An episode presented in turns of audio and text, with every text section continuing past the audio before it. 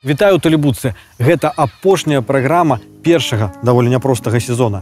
І гостцем яе будзе чалавек які збірае і разбірае гэтую эпоху як канструктор для кагосьці нязручна адносіна а для кагосьці духоўны настаўнік. Чалавек з густам з пазіцыяй і з асаблівай оптыкай.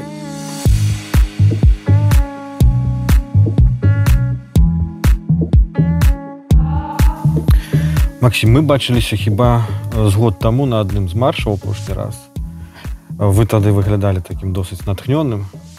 Ці змяніўся настрой за гэты час? Цікавае пытанне. Нахненне яно нікуды не падзелася але з'явілася больш дакладнае бачанне скажем так тэрмінова жыццялення мараў. Ясна что тое лепшае заўтра на кое мы разлічваем хутка не надыдзе. І паўстае іншае іншы градус натхнення я бы сказаў. Спадзяванне на хуткі трыумф на маршавый энтузіазм так яно сыходзіць і надыходзіць разуменнем пэўнай паслядоўнасці рухаў на даволі працяглым адчынку часу то бок гэта як бы спрынт ён ператвараецца як шмат хто ўжо казаў у марафон і ты разумееш паслядоўнасць крокаў і разумееш што гэта доўгая гульня і трэба шукаць пэўную лёгіку існавання не надта спрыяльных абставінах. І гэта іншая гісторыя, гэта больш тэхнічныя рэчы, менш эмоцыяў, больш цвярозага бачання перспектывы. Мне цікава, ці змяніліся вы за гэты час. Ці ўсё ж такі гэта адзін і той жа чалавек? Вы цяпер і вы тады сустрэлі абсалютна не. То бок дакладна за гэты год я канешне змяніўся. Бо мы перайшлі траўматычны катастрафічны досвед. Бо мне апошні час было рэальна страшна жыць у краіне. Бо кожным разам калі уначы хтосьці выпадкова груку дзярмі аўто во двары першае імкненне было падскочыць праліць акно ці не за нами гэта. То бок тое што мы трапілі ў сітуацыю глобальнага тэрору пасля сітуацыі тотальнай эйфарыі вось гэтыя эмацыйныя арэлі пра якія мы кажам гэта вельмі жорсткае выпрабаванне і гэта вельмі цяжка рэальна. Мне патрабілася час каб з'ехаўшы з краіны зразумець наколькі хворымі мы былі ўсе там увесь гэты год наколькі цяжкай гэта было в якім стане несупыннага псіхалагічнага ціску мы все знаходзіліся я не ведаю ці добра гэта але я ведаю што іншага шляху на жаль тут просто не было.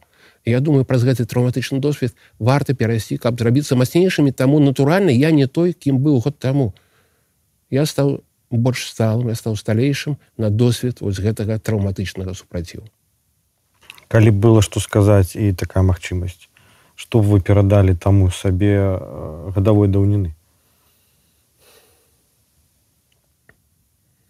трымайся і не бойся.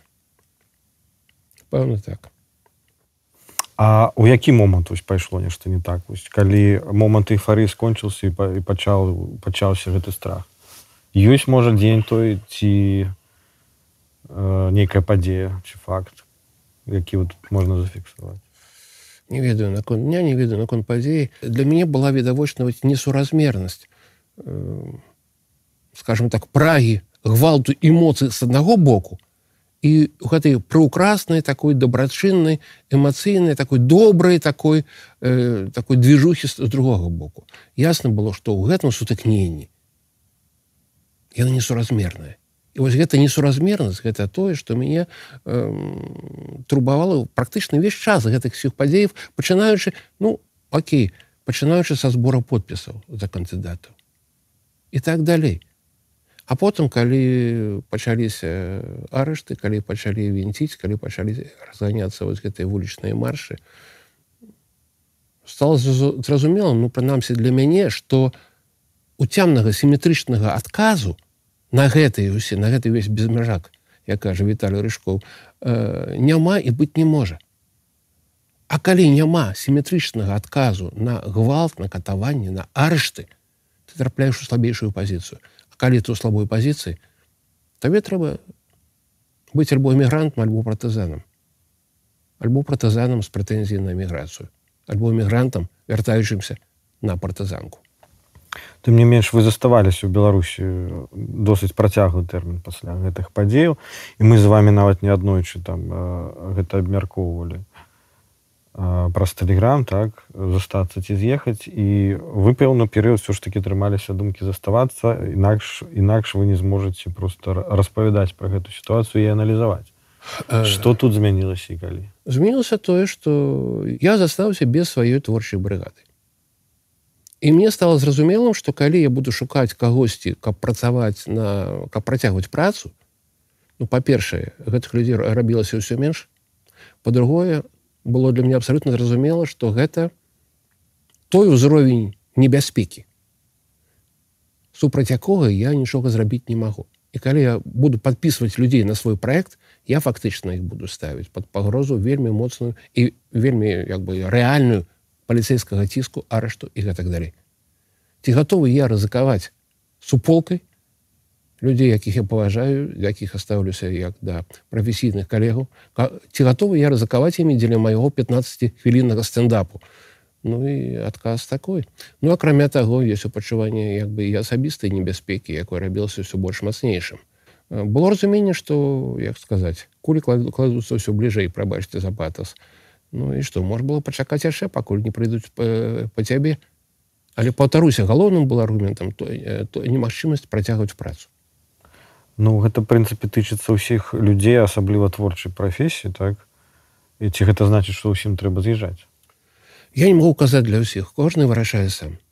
Узровень прыймальнасці э, сітуацыі для сябе узровень магчымасці суіснаваць у сітуацыі анамальна трэба разумець што у дадзеным выпадку мы існуем у, у, у хворай краіне фактычна і мы самі хвораю і мы самі хворыя відавочна і вось ці можемм мы праця дазваляць сабе хварэць разам з дзяржавай я кажу не з краіны з дзяржавай Вось ці можемм мы штосьці рабіць у гэтай сітуацыі у фармаце супрацьстаяння і ведаю адбудовы некай асабістай альтэрнатывы гэта цяжкае пытанне бо тут вельмі ёсць далікатная грань за якой твоя ціхая дысідэнцыя ператвараецца у памяркоўны калабарцыянізм калі ты сядзіш ціхенька калі кажаш асцярожна. Мне калега дызайнер казаў зараз ёсць такая новая фішка ў прагрэсіўных колах у беларускіх у тых хто засталіся кажуць трэба быць акуратным Ён кажа гэта што калабрацыяністам не просто трэба быць акуратным а акуратнасць гэта як я разумею гэта аўтацэнзура як толькі ты пачынаеш сам сябе скарачаць выпраўляць і як бы рэжысараваць тут пачынаецца ўжо праблема і, і гэта ўжо сітуацыя суіснавання з, з рэжымам з якім суіснаваць ну як на мне зараз просто немагчым Таму мне падаецца что я вельмі паважаю тых хто застаецца ў краіне працягваў рабіць сваю справу. Я кажу абсолютно шчыра. Але для мяне відавочнае тое что умовы якія яны трапляюць робяцца ўсё больш нечалавечымі. Что з гэтым рабіць я не ведаю. Хай кожны сам вырашае. Вы можете свой ад'езд назваць эміграцыяй? Гэта дакладна не ўцёкі. Гэта дакладна не эвакуацыя як кажа наша агульная вядомая паэтка так? Э, для мяне э, гэта гэта хутчэй камандзіроўка. Гэта творчы выезд туды ці я магу рабіць працу. З той сітуацыю якой я гэта далей рабіць не магу. Ну не кажучы пра нейкі мае асабістыя перакананні гэтак далей з якім нічога не адбылося яны як былі так і ёсць несумяшальнымі з тым што зараз адбываецца ў краіне любіць Беларусь надлегласці магчыма.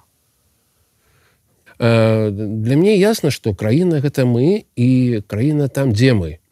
Таму тое што адбываецца зараз з тымі хто з'язджае мне падабаецца чытаць як не эміграцыю а інтэрвенцыю экспансію слухайте калі беларусы ў свой час будавалі амерыканскую мафію гэта было что гэта было пашырэнне ўплыву.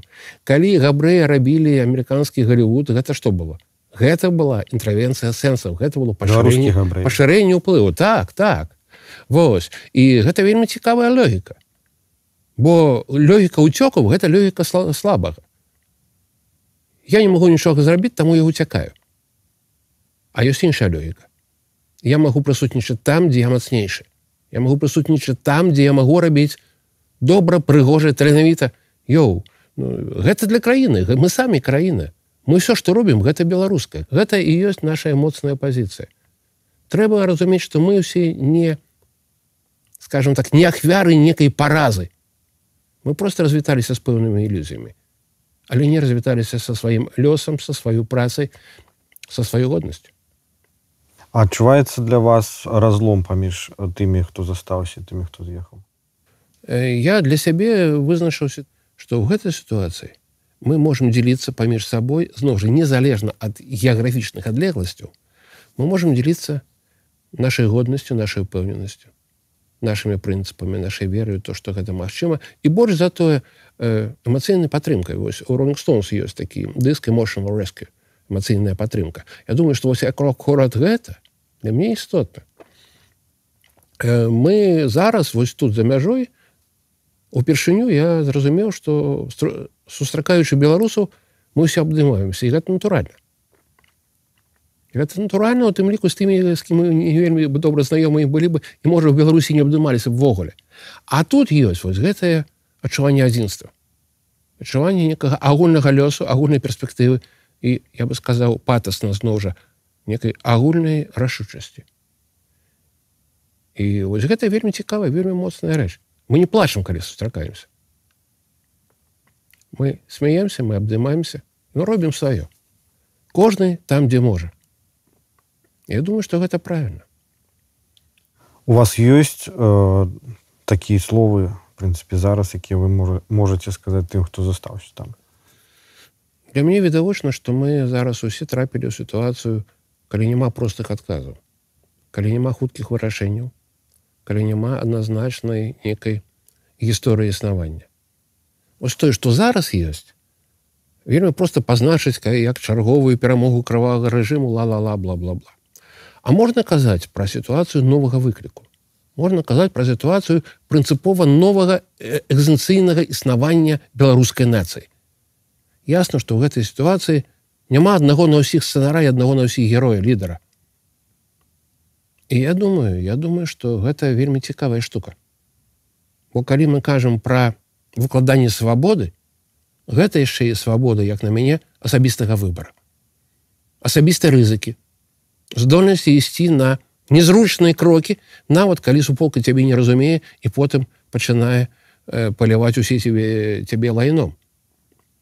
Гэта гісторыі ну калі хочаце асабістай прыгоды асабістага гераічнага эпасу у кожнага свой. І вось калі мы разумеем што акрамя нас ніхто за нас канкрэтны лёс вас мяне каго заўгодна не вырашыць тады пачынаецца гісторыя асабістага дызайну асабістага культурнага дызайну экстанцыйнага дызайну калі мы сам вырашаем каго любіць з кім быць што казаць на якой мове прамаўляць у якой краіне існаваць і ў любым выпадку гэта моцнае рашэнне бо гэта наш асабісты выбор бо наша Беларусь у гэтым разуменні.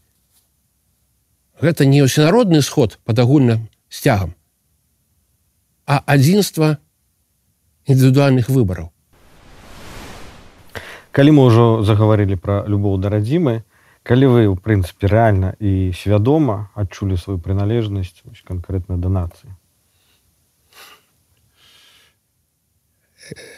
вельмі смешнае пытанне для мяне і я чаму засмяяўся бо я адразу узгадаў э, калі гэта было слухайце гэта быў здаецца 69 год. 69 год я здаецца там ці той пятым ці ў шостой класе. Іду ў краму у музычную краму мелодія якая той час э, мясцілася там дзе зараз э, аптека вось насупраць э, каля пачтамту. Прыхожу да гэтай крамы і бачу на дзвярах паперчана прычым паперч на друкі напісаныя так вельмі так незграбна прыляпаныя на сценачку песняров нет а гэта быў акурат першы дыск песняров які выйшаў э, моцным вельмі накладам які разляцеўся імгненна я яго цэнтравы хлопчык бо я жыў там акурат побач на сярэдлова гэта быў 10 квартал таму я яго набыў можа з другой ці з трэці спробы бо гэта было нешта неверагодна это была бомба.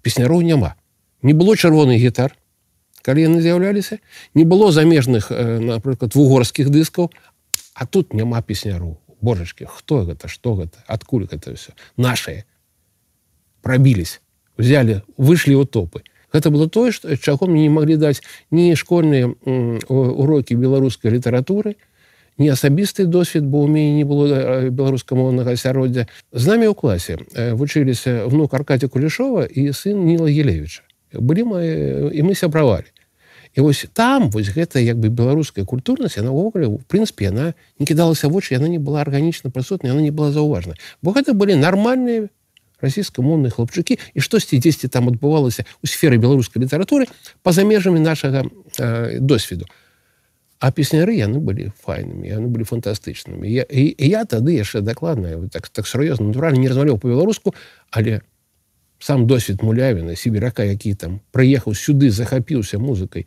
і захапіўся музыкай гэтай мовы і зрабіў вось гэтыя бігбітавыя цудоўныя нацыянальныя вось такія артефакты это было фантастычна А другая хваля яна прыйшла значна пазней.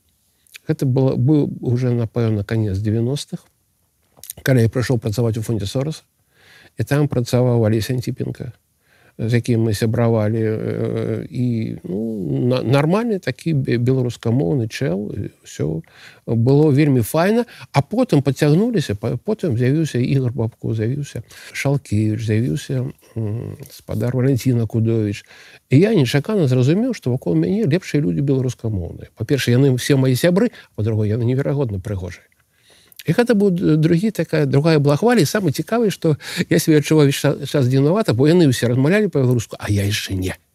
Ось так вольна прыгожа кайфова я как я, як яны я, я не мог.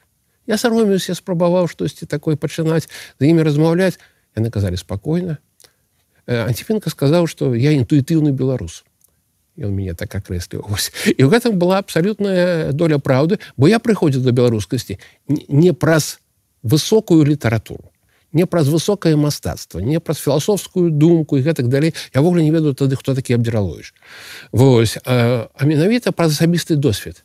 Але паміж 69 атрымліваецца 99 вас гэтая тэма цалкам абмінула. Ну то есть ну там стварэнне мроі там бонды а... увесь гэта нацыянальны рух майстроўня ніякай майстроўні нічога гэтага не было. Я выкладаў э, на філагічным факультэце філасофію у мяне быў студэнт вельмі такі хітраваты вельмі такі сур'ёзны вельмі такі упарты зміцер саўка быў мяне студэнтам і ён падышоў кажа слухайте А вось калі напрыклад у некай суполцы мы вас попросім выкладаць по-беларуску Ну Мачыма гэта была майстроўня штосьці яшчэ я не ведаю. Але вось ён вас такой з павагай і опять зноў жа як я адказаў ведаеце я я не дам рады я просто не дам рады бо для гэтага патрэбна свабодна выкладаць свае думкі для гэтага патрэбна актыўны слоўнік для гэтага патрэбна асяроддзе якога у мяне тады не было. Калі вярнуцца ў тыя часы фармавання вашага як асобы хто і што паўплывалі на вас вось, э, у 70 напэўна так? Вось, на, на школьнай студэнцкі перадусім для мяне была застаецца базавай кніжкай э, над качрайн над пропасцю варжы ў расійскай версіі селенджера гэта была кніжка якую я першыні першыню знайшоў э, на палічцы у маці ў бібліятэцы.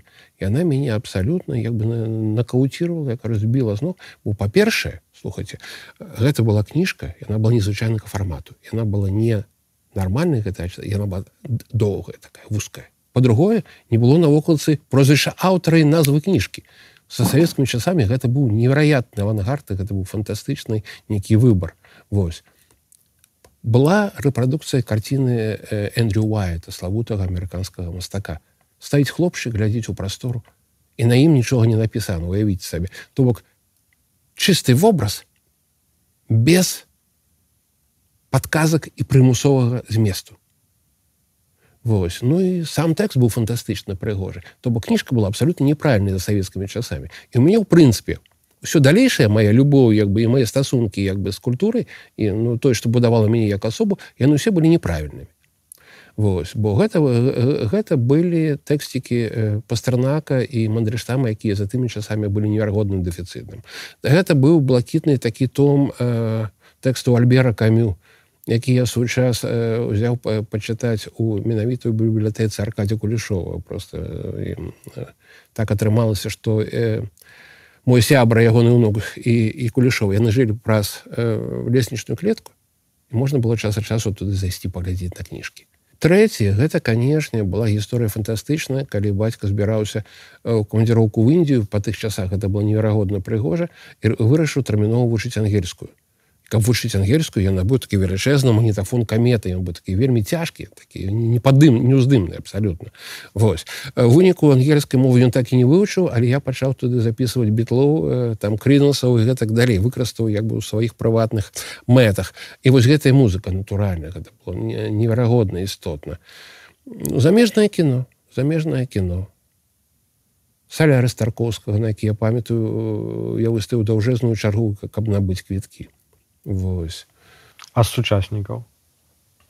З равеснікаў альбо старэйшых? Ось для мяне я не ведаю. Я бы назваў напэўна сходу там таго ж банкова да анімпадыстава і данько напэўна. Ты ты людзі які на меня паўплаюць мы ось у, у вашым жыцці хто? істотным быў артемій троцкі вельмі істотна бо я памятаю яго найпершыя артыкулы якія ён друкаваў яшчэ ў часопісе равеснік быў такі вельмі папулярны савецкімі часамі часопіс пра жыццё замежных э, э, замежнай моладзі я зразумеў што можна пісаць па-расійску не па-савецку гэта быў такі кшталт такой дысідэнцыі Вось хто яшчэ ну мы э, даўно сябравалі э, зараз крыху менш просто па аб'ектыўных як бы нагодах с алесем камоцкім напрыклад Ён вучыўся на два курсы малодшым за мяне. Актыўныя сучаснікі яны хутчэй за ўсё былі, былі маімі добрымі знаёмымі сябрамі. Бо трэба разумець, што ў тыя часы прастора беларускасці альтэрнатыўнай ты можаш беларускасці она была не такой відавочнай. Я даволі позна расслухаў, напрыклад народны альбом дзесьці ўжо на, на пачатку нулявых так.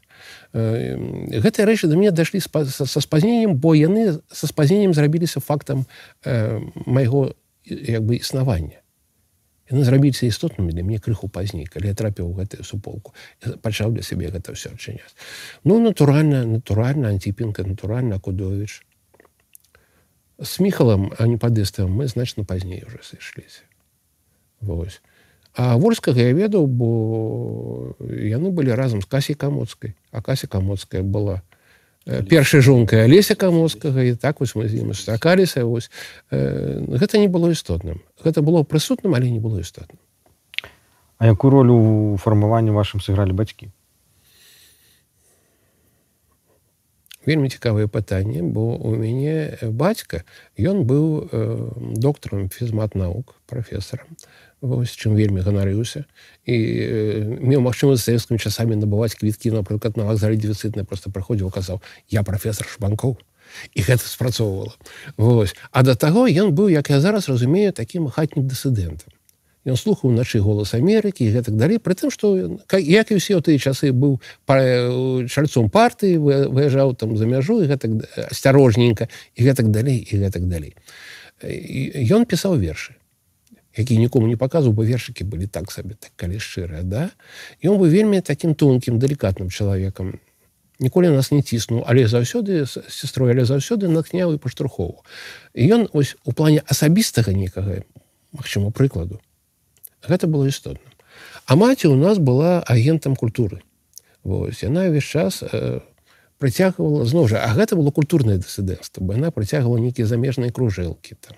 Кніжкі те самы ты про які я казаў той самы сэрэнджер потым не ведаю ричард олднінгтон там напрыклад там Джон абдайк той самы камю значной ступені прыходзілі праз яе. Она працавала а яна працавала інстытуце філазофіі яны з бацькам дарэчы я першасная адукацыя была фізічная яны з бацькам просто як бы э, пазнаёміліся калі разам рабілі э, э, насценную газету фізычнага факультэту там такая была гісторыя у фізічнай адукацыі але яна працавала потым абараніла дысертацыю по філазофіі працавала спачатку інстытуце філазофіі потым э, у беларускім дзяржаўным універсітэце і гэтак далей і вось яна была страшэнна меламаны Э, таты вельмі любіў спяваць савецкія песні але слуху яго не было. Там гэта все-таки атрымлівалася не зусім як уцёсава так? Вось. А маці э, маці яна была такой як бы калекцыянеркай.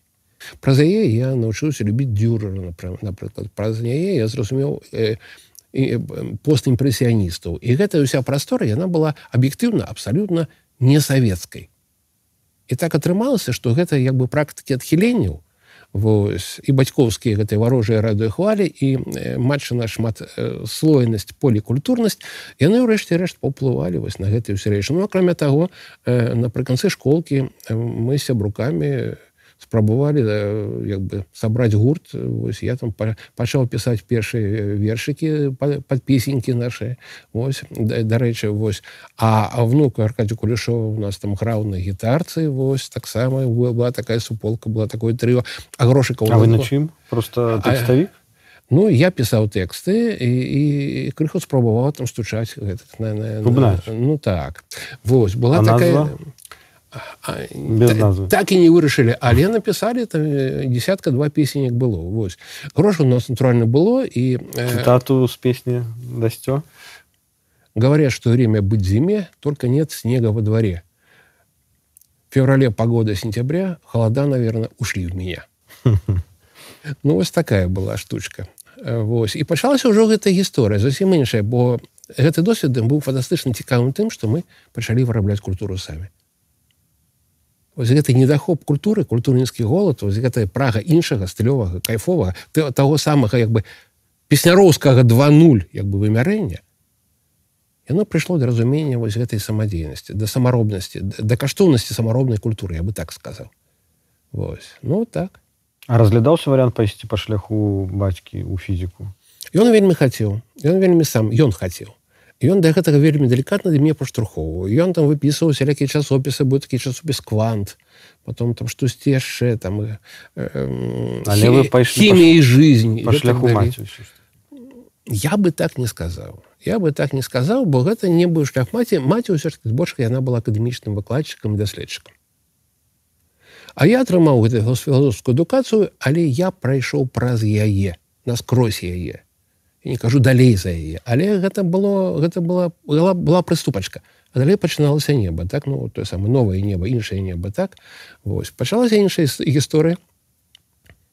Вось а і... фізіка як бы не разглядала не, не, не абсолютно э, сестра скончыла фізфак але гэта таксама да чаго добрага не правяло бы на выніку не, не працавала по прафесіі. А як склаўся лёс сестры калі шчыра я зараз не надта і ведаю. Мы не, не так актыўна кантактуем. Я ведаю што ў пляміннік з'ехаў у штаты мой. Вось можа гады тры таму. А з ёй мы можа год не кантактавалі. Ну яе яе сваё асобнае жыццё.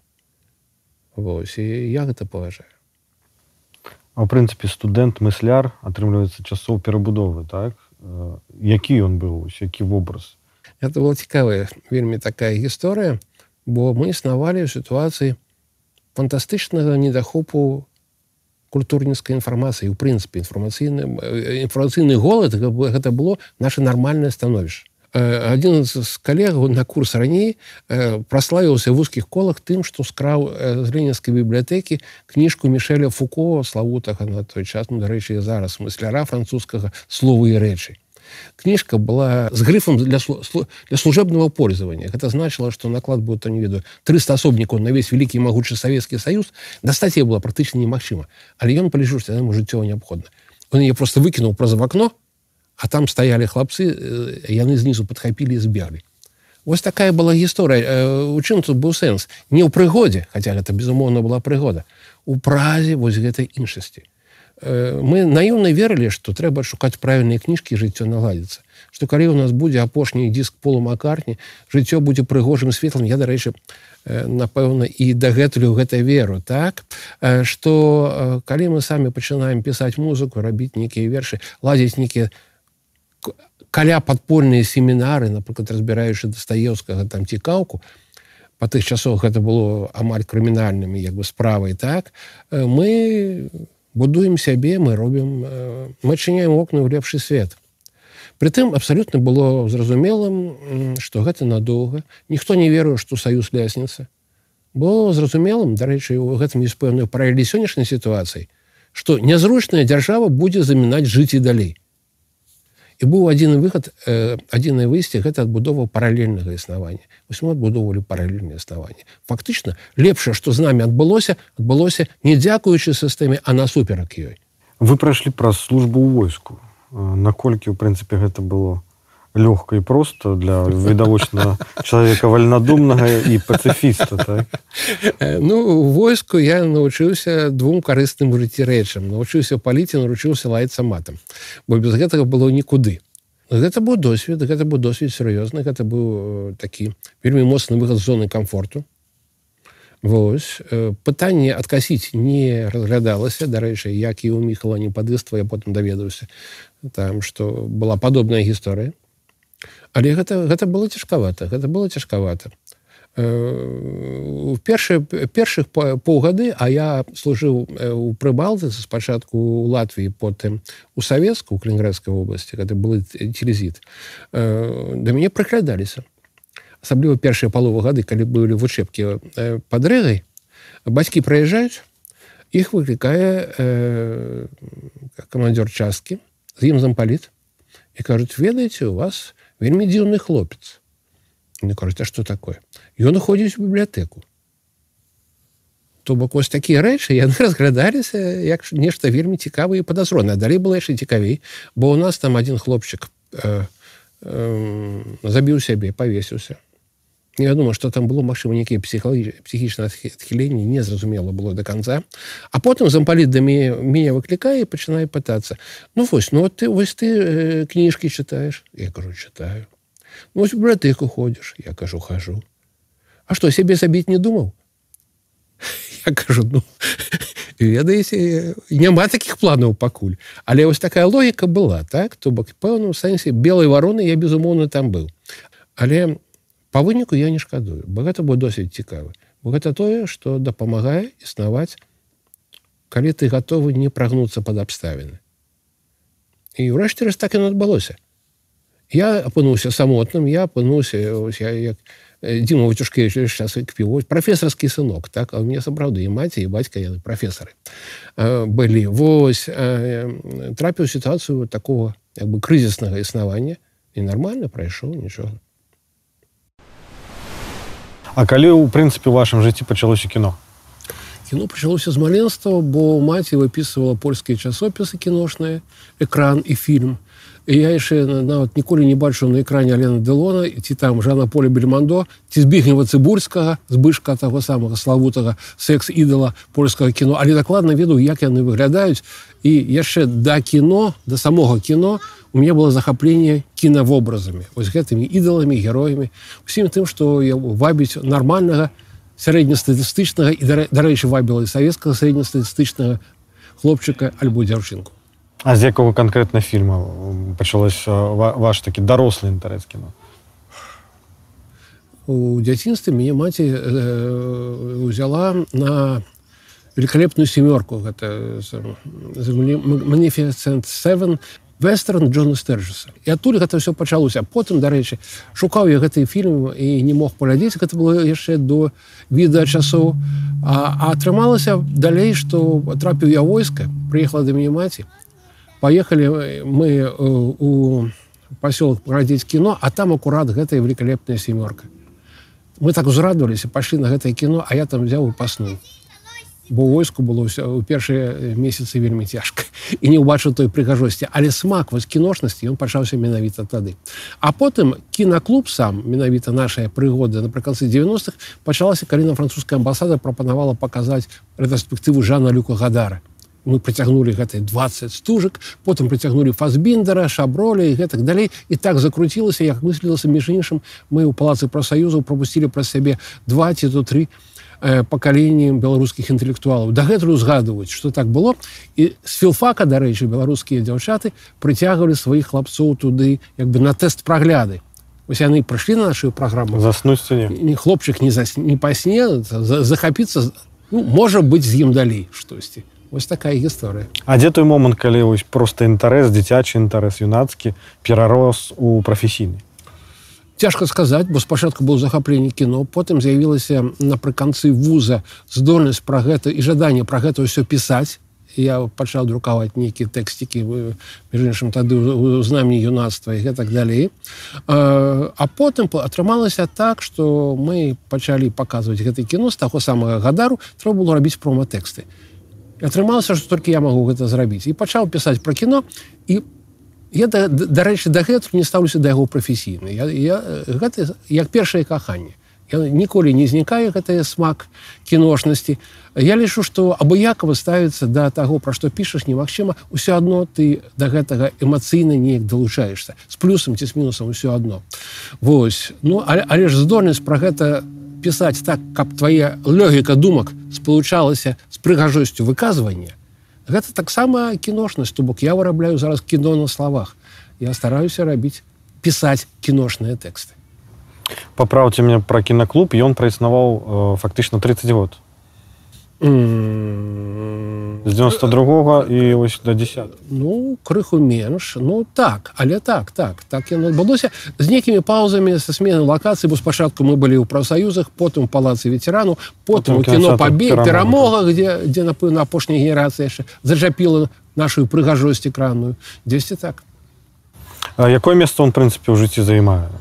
Гэта самы важны проект вашага жыцця ці гэта самы кайфовы проект майго жыцця я бы сказаў так. Бо калі тут тлумы ламеліся да нас на брытанскую праграму калі вышыбалі шкляныя дзверы ў палацы прафсаюзаў як каб трапіць на наши халяўныя прагляды калі перакладчык перакладаў славутую антыутопію бразілія тэры гілема і пры гэтым калі там з'яўляўся дыктатар пачынаў казаць са шклоўскім акцэнтам і, і вся заля рагатала гэта была прыгажосць неверагодная. Мы прыходзілі потым пасля гэтай пасля прагляду і перакладчык казаў о Макс гэта круто гэта як роллинг стонс я кажу так толькі яны могуць заплаціць за шыбы а вось мы не. Гэта была авантура гэта была прыгажосць. Да нас прыходзілі габісты таксама да мяне. Вось шукалі праўду не, не знайшлі тады. Вось і потым я так не даведаўся чаго яны хацелі ад гэтага кінапрагляду. Але ж справа не ў гэтым. Справу тым что мы адчувалі сябе важнымі мы адчувалі сябе істотнымі. Мяне пачалі пазнаваць на вуліцах менавіта тады.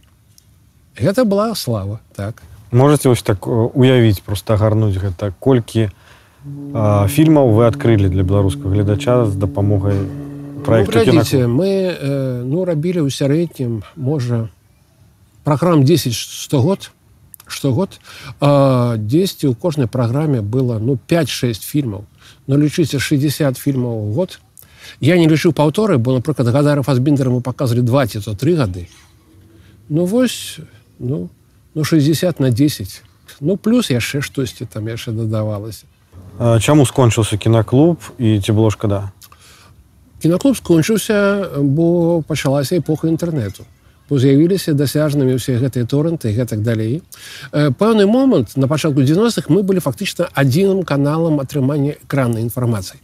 А потым атрымалася што шмат хто здолеў далучыцца да гэтага самастойна. Гэта першае. Другое адчыніліся межы людзі зрабіліся выязнымі.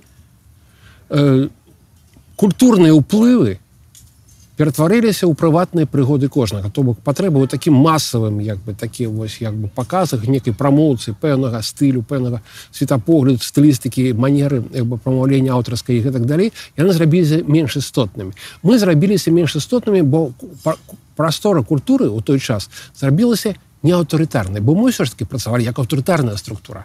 Мы прыцягвалі казалі вось гэта трэба паглядзець гэта маст ну, як у дрэннай шкурцы савецкага кшталту так? Мы займаліся прымусовай адукацыяй.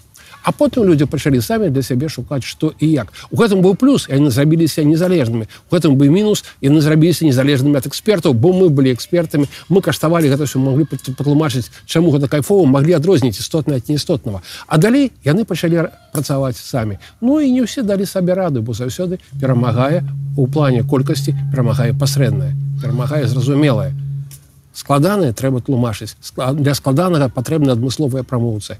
Гэтага не было тады гэтага няма і зараз. Ці можна сказаць что со сканчэннем кінаклуба скончылася ваша гісторыя як кінакрытыка? Бо найперш вас прадстаўлялі на маёй памяці перад Масім жбанко абавязковае слово слова кінакрытык не зусім так бо пэўны час я працаваў для газеты салідарнасць як кінааглядальнік і гэта яшчэ была гісторыя там на три-4 гады ўжо пасля кінаклуба фактычна. Але так ну але гэта не пытанне кінаклубнасці скажем так. Гэта пытанне майго можа асабістага сталення. Бо з бегам часу для мяне кіно зрабілася ўсё менш істотным. Я не перастаў глядзець кіно я не кіну яго яго як бы асэнсоўваць і пэўным чы, чынам разумець але мне зараз уже не надо цікава про гэта пісаць бо я выйшаў у сеціва бо зараз я youtube блогер даруйте за маю французскую подписывайтесь на канал но і ставце лайки я кажа мікіта моніч так вось а Мне цікавей зараз іншыя гульні. Гэтую гульню я лічу мы уже адгулялі, мы зрабілі ўсё магчымае ў гэтым фармаце. трэба шукаць іншае і гэта дарэчы таксама як на мяне адмысловая рыса творчага стаўлення да жыцця. Выхадзіць у іншыя вымярэнні, разумець, калі гульня скончылася і шукаць новыя правілы. А ў цэлым глобальным сэнсе ну вы прайшлі гэты этап, але хтосьці магчыма да яго толькі падыходзіць. Ці цяперашняму грамадству патрэбна арт-крытыка.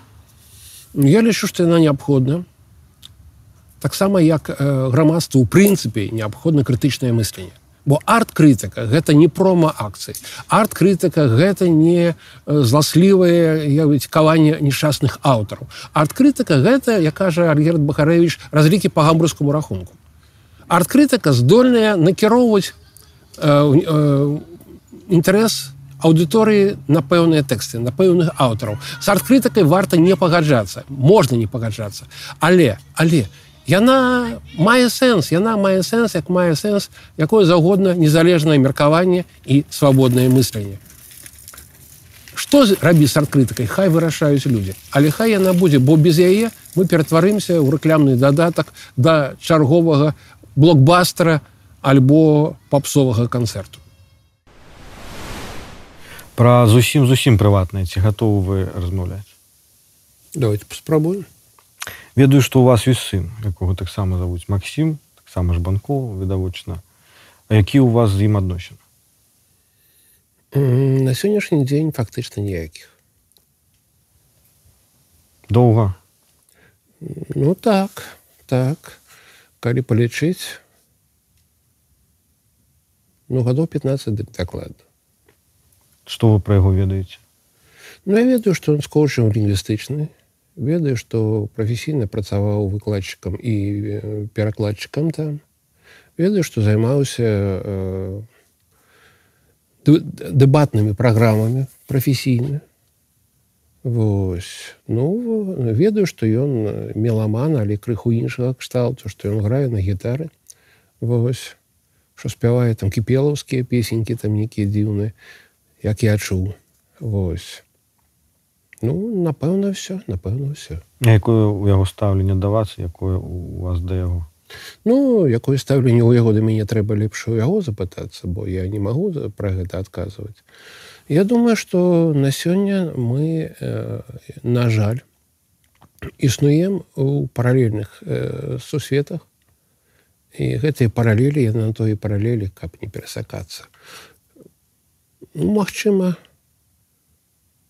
Магчыма просто няма вострай узаемнай патрэбы адзін в адны Магчыма вы хочаце яму нешта сказаць перадаць вось праз нашу праграму каб ён пачуў то гэта вось можна сказаць на ту я не, я не веру гэтыя месажы я не веру гэтыя пасты я лічу што ёсць рэчы якія мусяць адбыцца тады калі яны э, адбудуцца. Але ну што сказаць? Я ніколі не зачыняў дзверы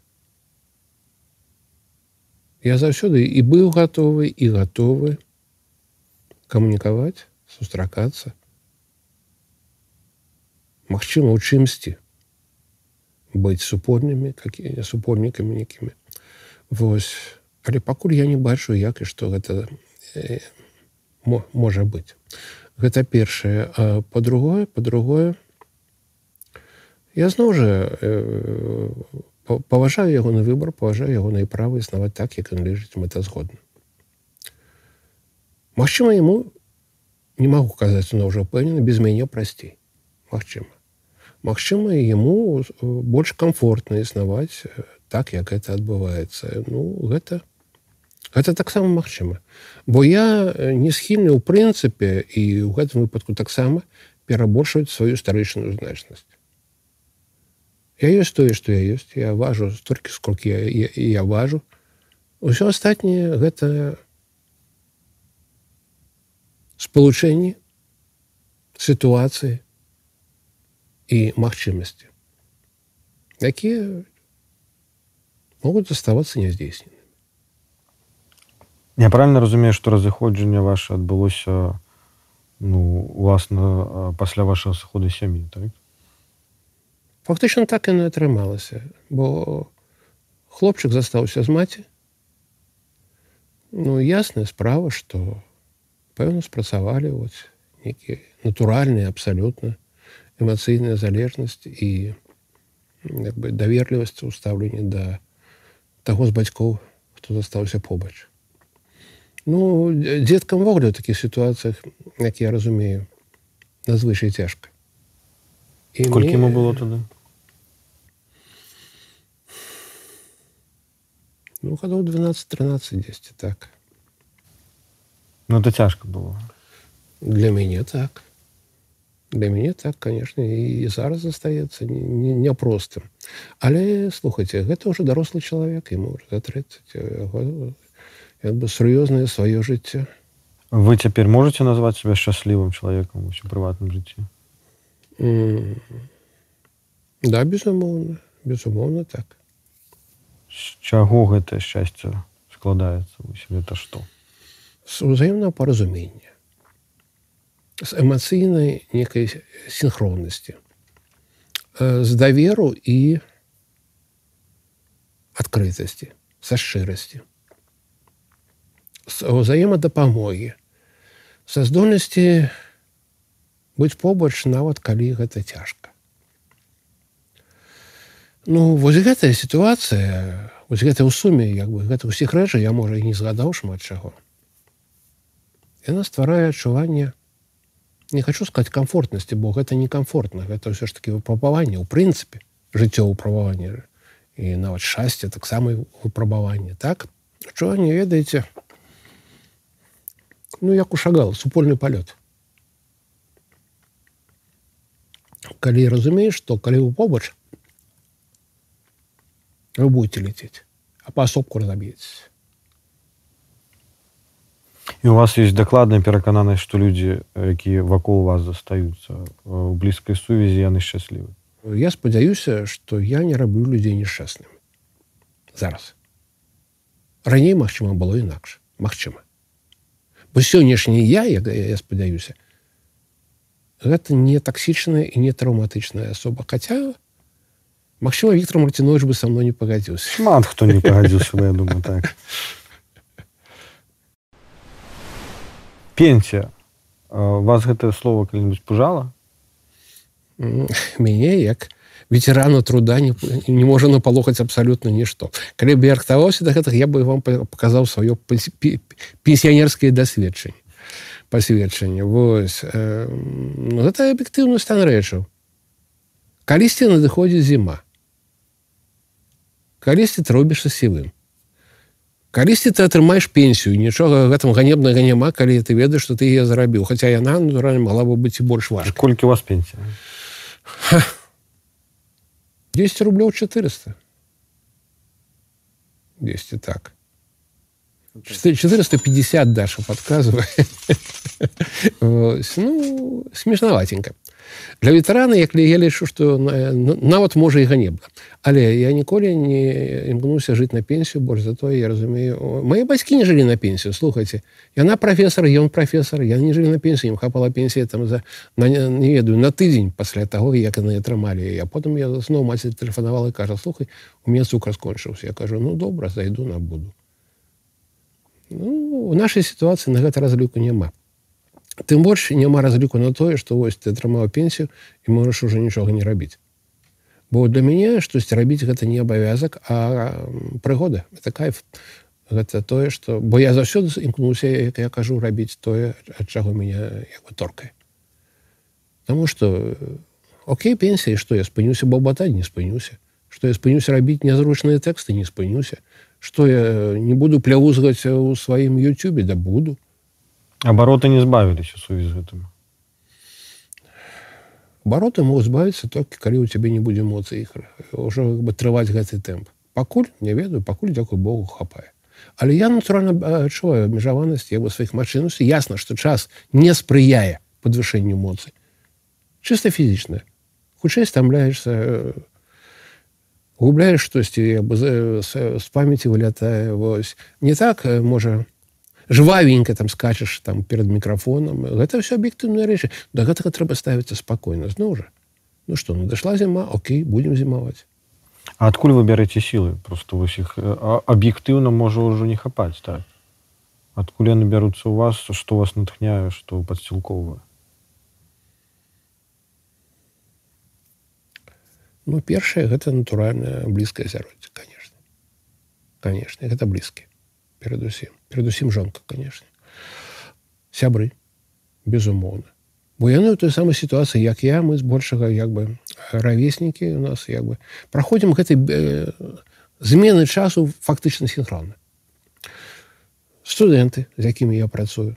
Бо я як нармальны энергетычны вампір заўсёды ведаеце калі атрымліваецца занятак выкладчыцкі ты заўсёды не просто аддаеш энергетыку без якой няма нармальнага выкладання ты яшчэ атрымліваеш фідбэк. Як артыст абсолютно як артыст я, я, я крокер я кажу я свой час калі мы кінаклуб рабілі я выходзіў на гэтую сцэну палацы прафсаюзаў там сидела 750 асобаў я разумеў што яны сюды прыйшлі для мяне што я іх сюды прыцягну гэта было як міг джаггер я ходзіў і вось туды кідаеш слова і вяртаецца эмоцыя і потым ты ходзіш такі ашалелы абсалютна бо ты ўжо я атрымаў вось гэты фідбэк дзеля гэтага ўсё робіцца іншая справа што ён можа быць хуткім як калі ты працуеш наўпрост аўдыторыі а можа быць запаволеным калі я раблю тэкст я не ведаю што я атрымаю ўздагон калі я раблю YouTube я не ведаю што там прыляціць але ўсё адно есть надзея на гэтую пазітыўны водгук.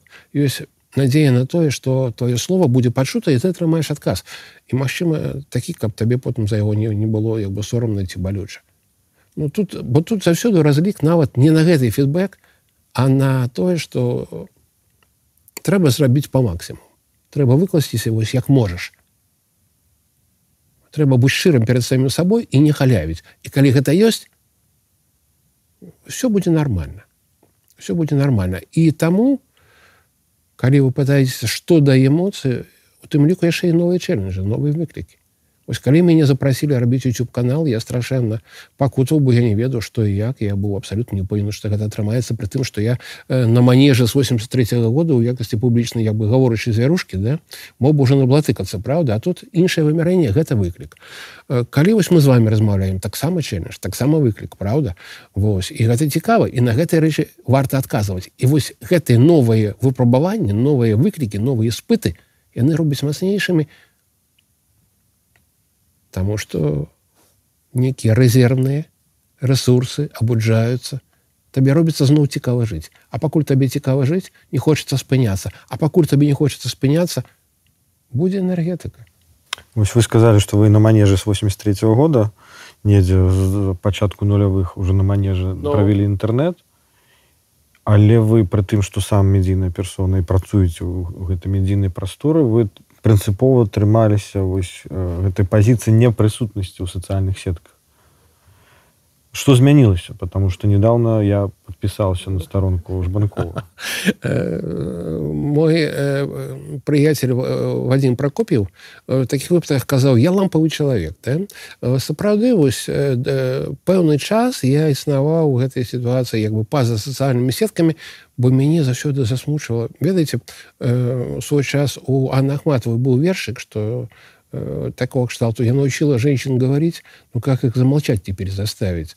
Э, то и самое тут. Э, соцсетева я, я, я ну дала магчымасці баўбатаць усім запар. Я хочу как бы замкнулись. Я, я думаю навошта мне гэты весь лямант?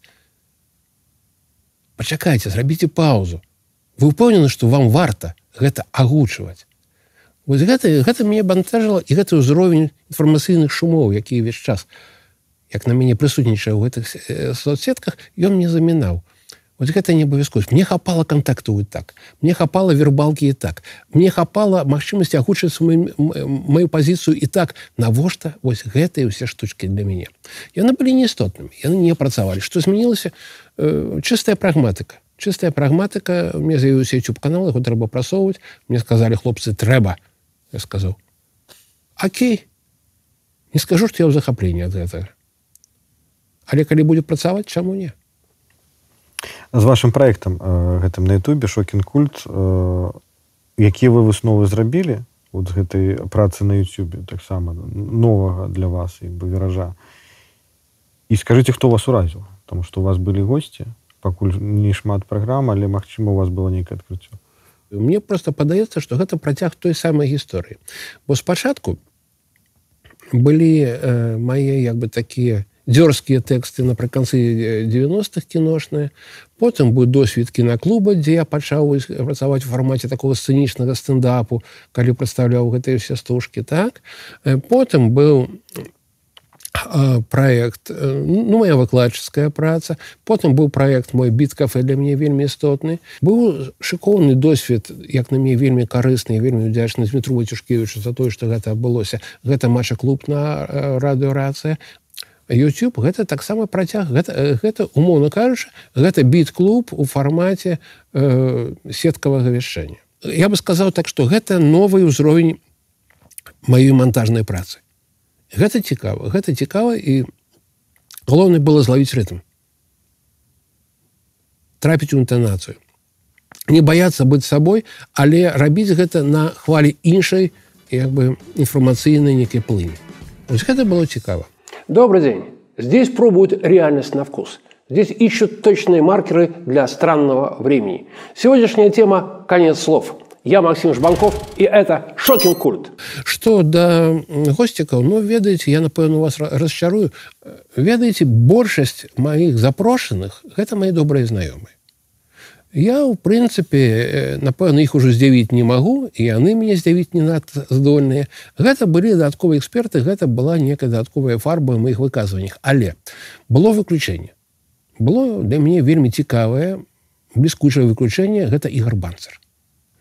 Чалавек з якім мы раней не сустракаліся чалавек якога я аб'ектыўна не ніколі напэўна не якім бы я ніколі не захапіўся гледзячы на ягоныя ролікі ці на тое што ён робіць бо гэта не зусім блізкая мне эстэтыка але ён мяне безумоўна ўразіў як асоба масштаб асобы гэта было нешта неверагоднае наколькі трапна ён прамаўляў наколькі чотка і афарыстычна ён агучваў свае думкі наколькі ён быў атракцыйным і да гэтага вельмі рацыянальным невыпадковым ва ўсіх прамовах гэта вось тое вельмі рэдкі выпадак калі умоўная публічная поза образ так і асабістыя пазіцыя чалавека жыццёвая пазіцыя жыццёвы выбор супадаюць вось так вось на 200соткаў Таму як бы кожны робіць свой выбор і я думаю что мне тут няма чаго даказваць. Камусьці асноўны чалавек адзіны которому я гэта даказваю все жыццё я сам. У меня есть праблемы з гэтым але я спрабую неяк там э, сваю кагерентнасць псіхікі захоўваць і пакуль што мне атрымліваецца живем далей рухаемся наперад і спрабуем не трапіць раней чым э, трэба ў турму з усіх пералічаных вами ўжо фарматаў ваших ваших выказвання мне даволі напэўна сімпатычна не буду вылучаць что найбольш ці не фармат лекцыі з музыкай потому что в прынцыпе даволі унікальны для нашай прасторы але у меня пытанне навошта і каму гэта вы бачыце вот мэту аўдыторыю калі вы гэта робіце? Ці вы робіце гэта для сябе? Ёсць тры моманты. Першы першы гэта цікава мне сам я раблю тое чаго б я сам хацеў. Я пишу артыкулы якія бы я сам хацеў чытаць. Я раблю івенты якія бы сам хацеў глядзець. Гэта форма першая умова гэта самазадавальненне. Ты мусіш сам сабе падабацца ў гэтым фармаце. Не любіць сябе а быць э, упэўненым у тым что ты робіш. Рабіць тое что цікава. Першае рабіць тое чаго няма. Гэта другое рабіць трэцяе каб торкала. Гэта першае э, момант. Э, другі момант. У мяне есть думкі якіх не ведае той хто можа прыйсці мяне паслухаць. Пункт трэці. У меня есть музыка якую не ведае той хто прыйдзе мяне паслухаць. Пункт четверты пускай прыходзіць і паслухаюць гэта формы пашырэння як бы адукацыйнага працэсу дзе адначасова я выделаюсь сам і я выдзелюся сваімі думкамі а з другога боку люди пасажваюцца як я хочу в гэта верыць на пэўны пласт культурніцкіх прадуктаў. Гэта цікава мне цікава быць большим за мяне як за асобу. Мне цікава быць медатарам мне цікава быць індыкатарам сэнсаў некім ну гіперспасылкай калі хочаце Дарэчы, ідэальная форма бессмяротнасці стаць гіперспасылкай зрабіцца. і весь час трансляваць праз сябе качаць нейкі іншыя сэнсы ось. Хтосьці іх ловіць а ты нібыта ні прычым ты тут так просто. Ляжыш мостиком. Можно развесці руками. А дзе ж наш таранціна таранціны не будзе глеба не тая. Але таранціннасць варта гадаваць як? Праз досвед дасведчанай свабоды Ну, бачыце як тут супадае бо я таксама раблю напрыклад у межах гэтага проекту праграмы які якіх мне не хапае які я хацеў бы глядзець як глядач. Таму запаўняюцца пэўныя відаць лакуны. Абсолютно і тут мне здаецца не для пацехі эга так тут просто галоўнае першы крок гэта разумець што гэтыя лакуны ёсць. Убачыць недахопы. А потым ты пераходзіш са сваім пэнзлем так? І пачынаеш фрубаваць гэтую прастору. Яна ўжо больш не белая яна ўжо каляровая А што засталося пасля цябе А вось гэта рухі пэнзлем у фільме надзея зеленковай урокі дылетанта вы прызнаецеся што не адчуваеце сябе аўтарам я вообще думаю о себе не как о авторе. А праз 20 год. Вось ад гэтага моманту выдаўшы ўжо дзве кнігі ці па-ранейшаму вы так лічыце пытанне у тым як сябе разумець як аўтара я сябе не разумею як генератора нейкіх неверагодна арыгінальных непаўторных сэнсаў мне і падабалася тады і зараз падабаецца разумець сябе як тлумача як перакладчыка як пасрэдніка у гэтым плане я думаю што я крыху пракачаўся за гэты час набыў нейкі новы досвед. Я скажем так аўтар пасля аўтараў я той хто прыходзіць у здагон і пазначае маркерам штосьці істотнае спадзяюся так у тым жа фільме э, ідзе размова пра вашых вуч вучняў. Вы пералічаеце такі вось спіс ці памятаеце вы каго тады назвалі? Сярод тых э, кім асабліва ганарыцесь Ну канешне канешне я памятаю што казаў пра вольгу шпарагу пра змітра майбараду пра александра сарну безумоўна. Давайте абнавім гэты спіс праз 20 год каго вы яшчэ бы далучілі вот некалькі персон для прыкладу Ну гэта будзе абсалютна не сціпла бо я адразу покажу на вас. І скажу што вось. Скажу што нам бруан але але, але ў першай пяцёрцы безумоўна. Э, павел свердло напрыклад.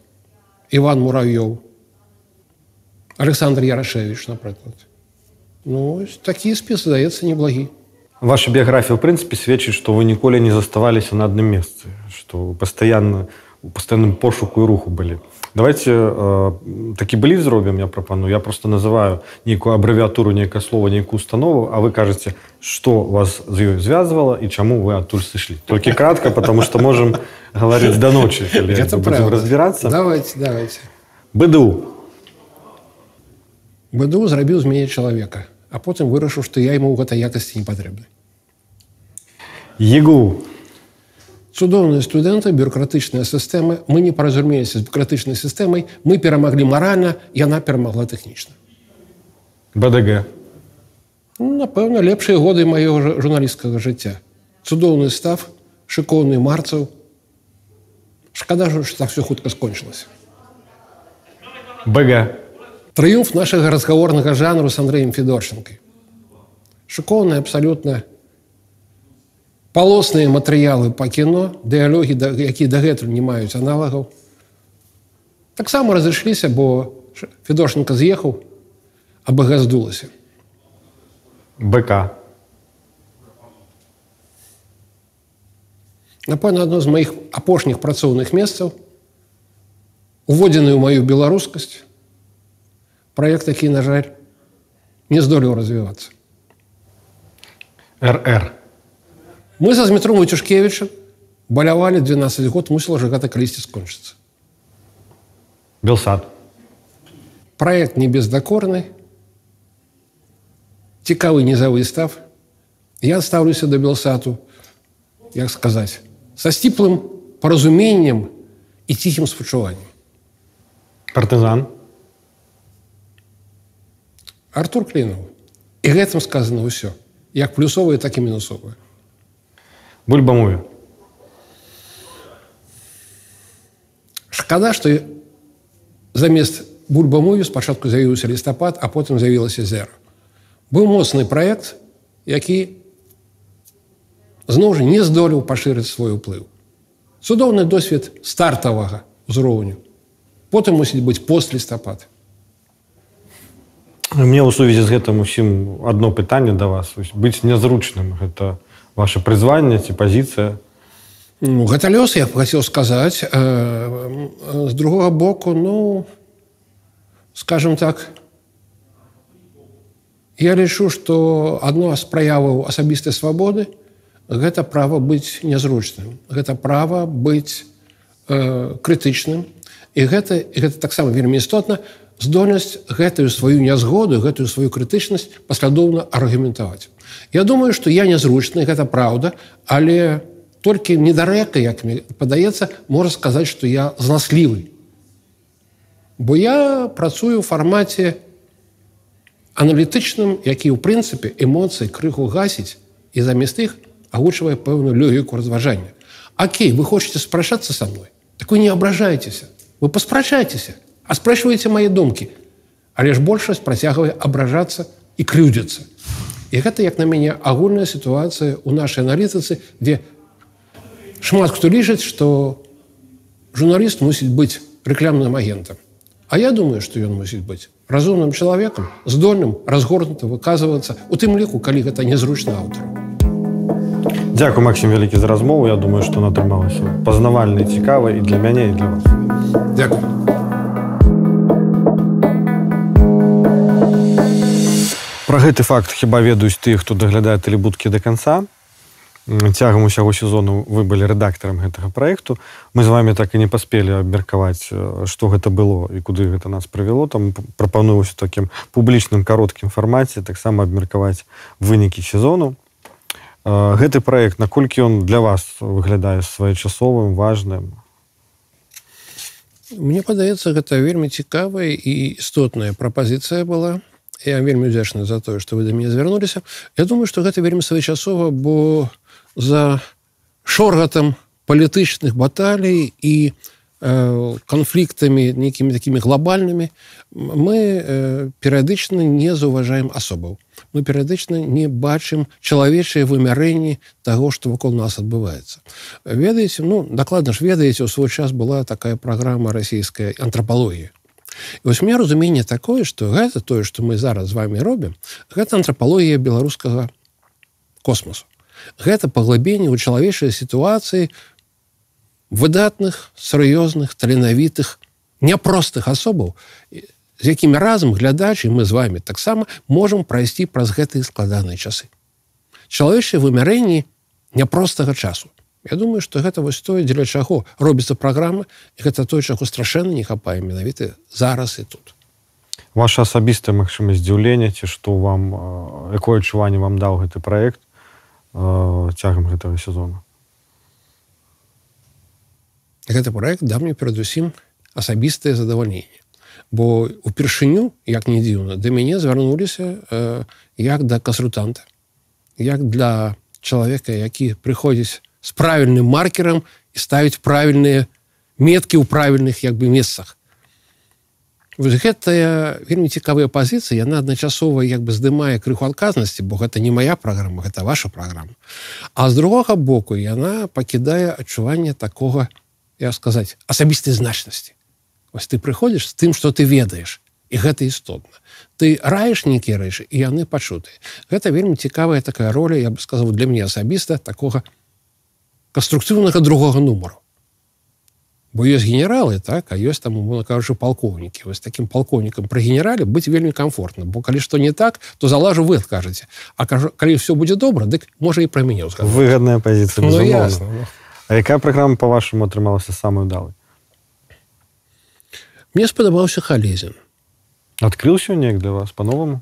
Ну ён прыгожа распавядае ён прыгожа распавядае і ён мне падаўся дарэчы як і ўсе суразмоўцы ён, ён падаўся вельмі шчырым з ім было прыемна для мяне камунікаваць вось праз вашу праграму дарэчы гэта яшчэ яшчэ один ресурс як бы важкасці бо наўпрост да халезіна няшмат хто падыдзе а вот тут ён дасягальны адкрыты шчыры істотны вось гэта вельмі цікавая штука.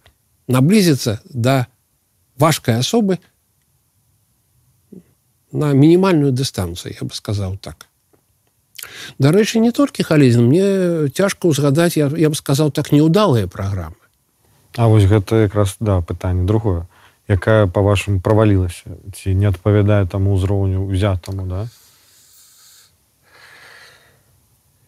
Калі шчыра мне падалася некалькі так крыху недапечаная праграма с маргарыты лёчук самая папулярная ну, ну менавіта таму а давайте ну вып'ем а давай. А нальем. А нальем ну выхад у фармат народнай развлекухі гэта прыгожа Сергею. Але гэта крыху не тая звышмэта да якой варта як бы імкнуцца. З іншага боку вы кажаце папулярна. Ну народ любіць ну, конечно але пытанне ў чым народ любіць маргарыту ляўчук ці Сергея будкіна праграму тэлебудка это розныя рэчы крыху правда? Вось таму в ідэале мусіць быць і тое і тое але гэта тая мэта да якой нам варта імкнуцца і давядзецца вам адказаць на тое ж самае пытанне якое я задаю кожнаму гостю тэлебудкі як нам жыць далей што з гэтым рабіць рабіць тое што можаш не хлусіць. Не, не пакутаваць не гуляцца ў аферу імкнуцца да моцных пазіцый у гэтым жыцці і верыць што гэта магчыма Ну і акрамя таго мне падаецца вельмі істотным тое што што ў гэтай нашым руху мы не самотныя што заўсёды ёсць блізкія заўсёды ёсць калегі заўсёды ёсць скажем так агульны фронт супраціву з гэтаму навакольнаму шаленству. І калі гэта ёсць все будзе добра у выніку больш за тое. Як не дзіўна все ўжо зараз добра. Пакуль мы тыя хто ёсць у нас ёсць моц ёсць энергія ёсць вера. Ёсць тыя з якімі цікава гэта все рабіць. Я веру ў партызанку лёсу. Я веру ў партызанку мыслення. Веру партызанку чыстых эмоцый. Ну, кажуць беларускі дзены я скажу беларускі рок-н-рол. Энергетыка выбуху несупынны рух насуперак абставінам якія ніколі і нідзе не былі стосоткаў спрыяльнымі прыняць небяспеку прыняць выклік як факт. І крочыць наперад ну, як завернуў так что працяг будзе напэўна так